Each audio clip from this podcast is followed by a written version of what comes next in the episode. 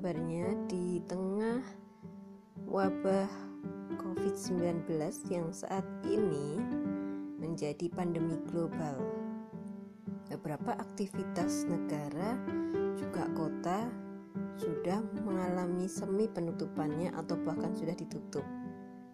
Di Indonesia sendiri, virus ini mulai merebak sejak ditemukannya dua kasus hingga kemudian ada dua kasus kematian yang menjadi perhatian publik.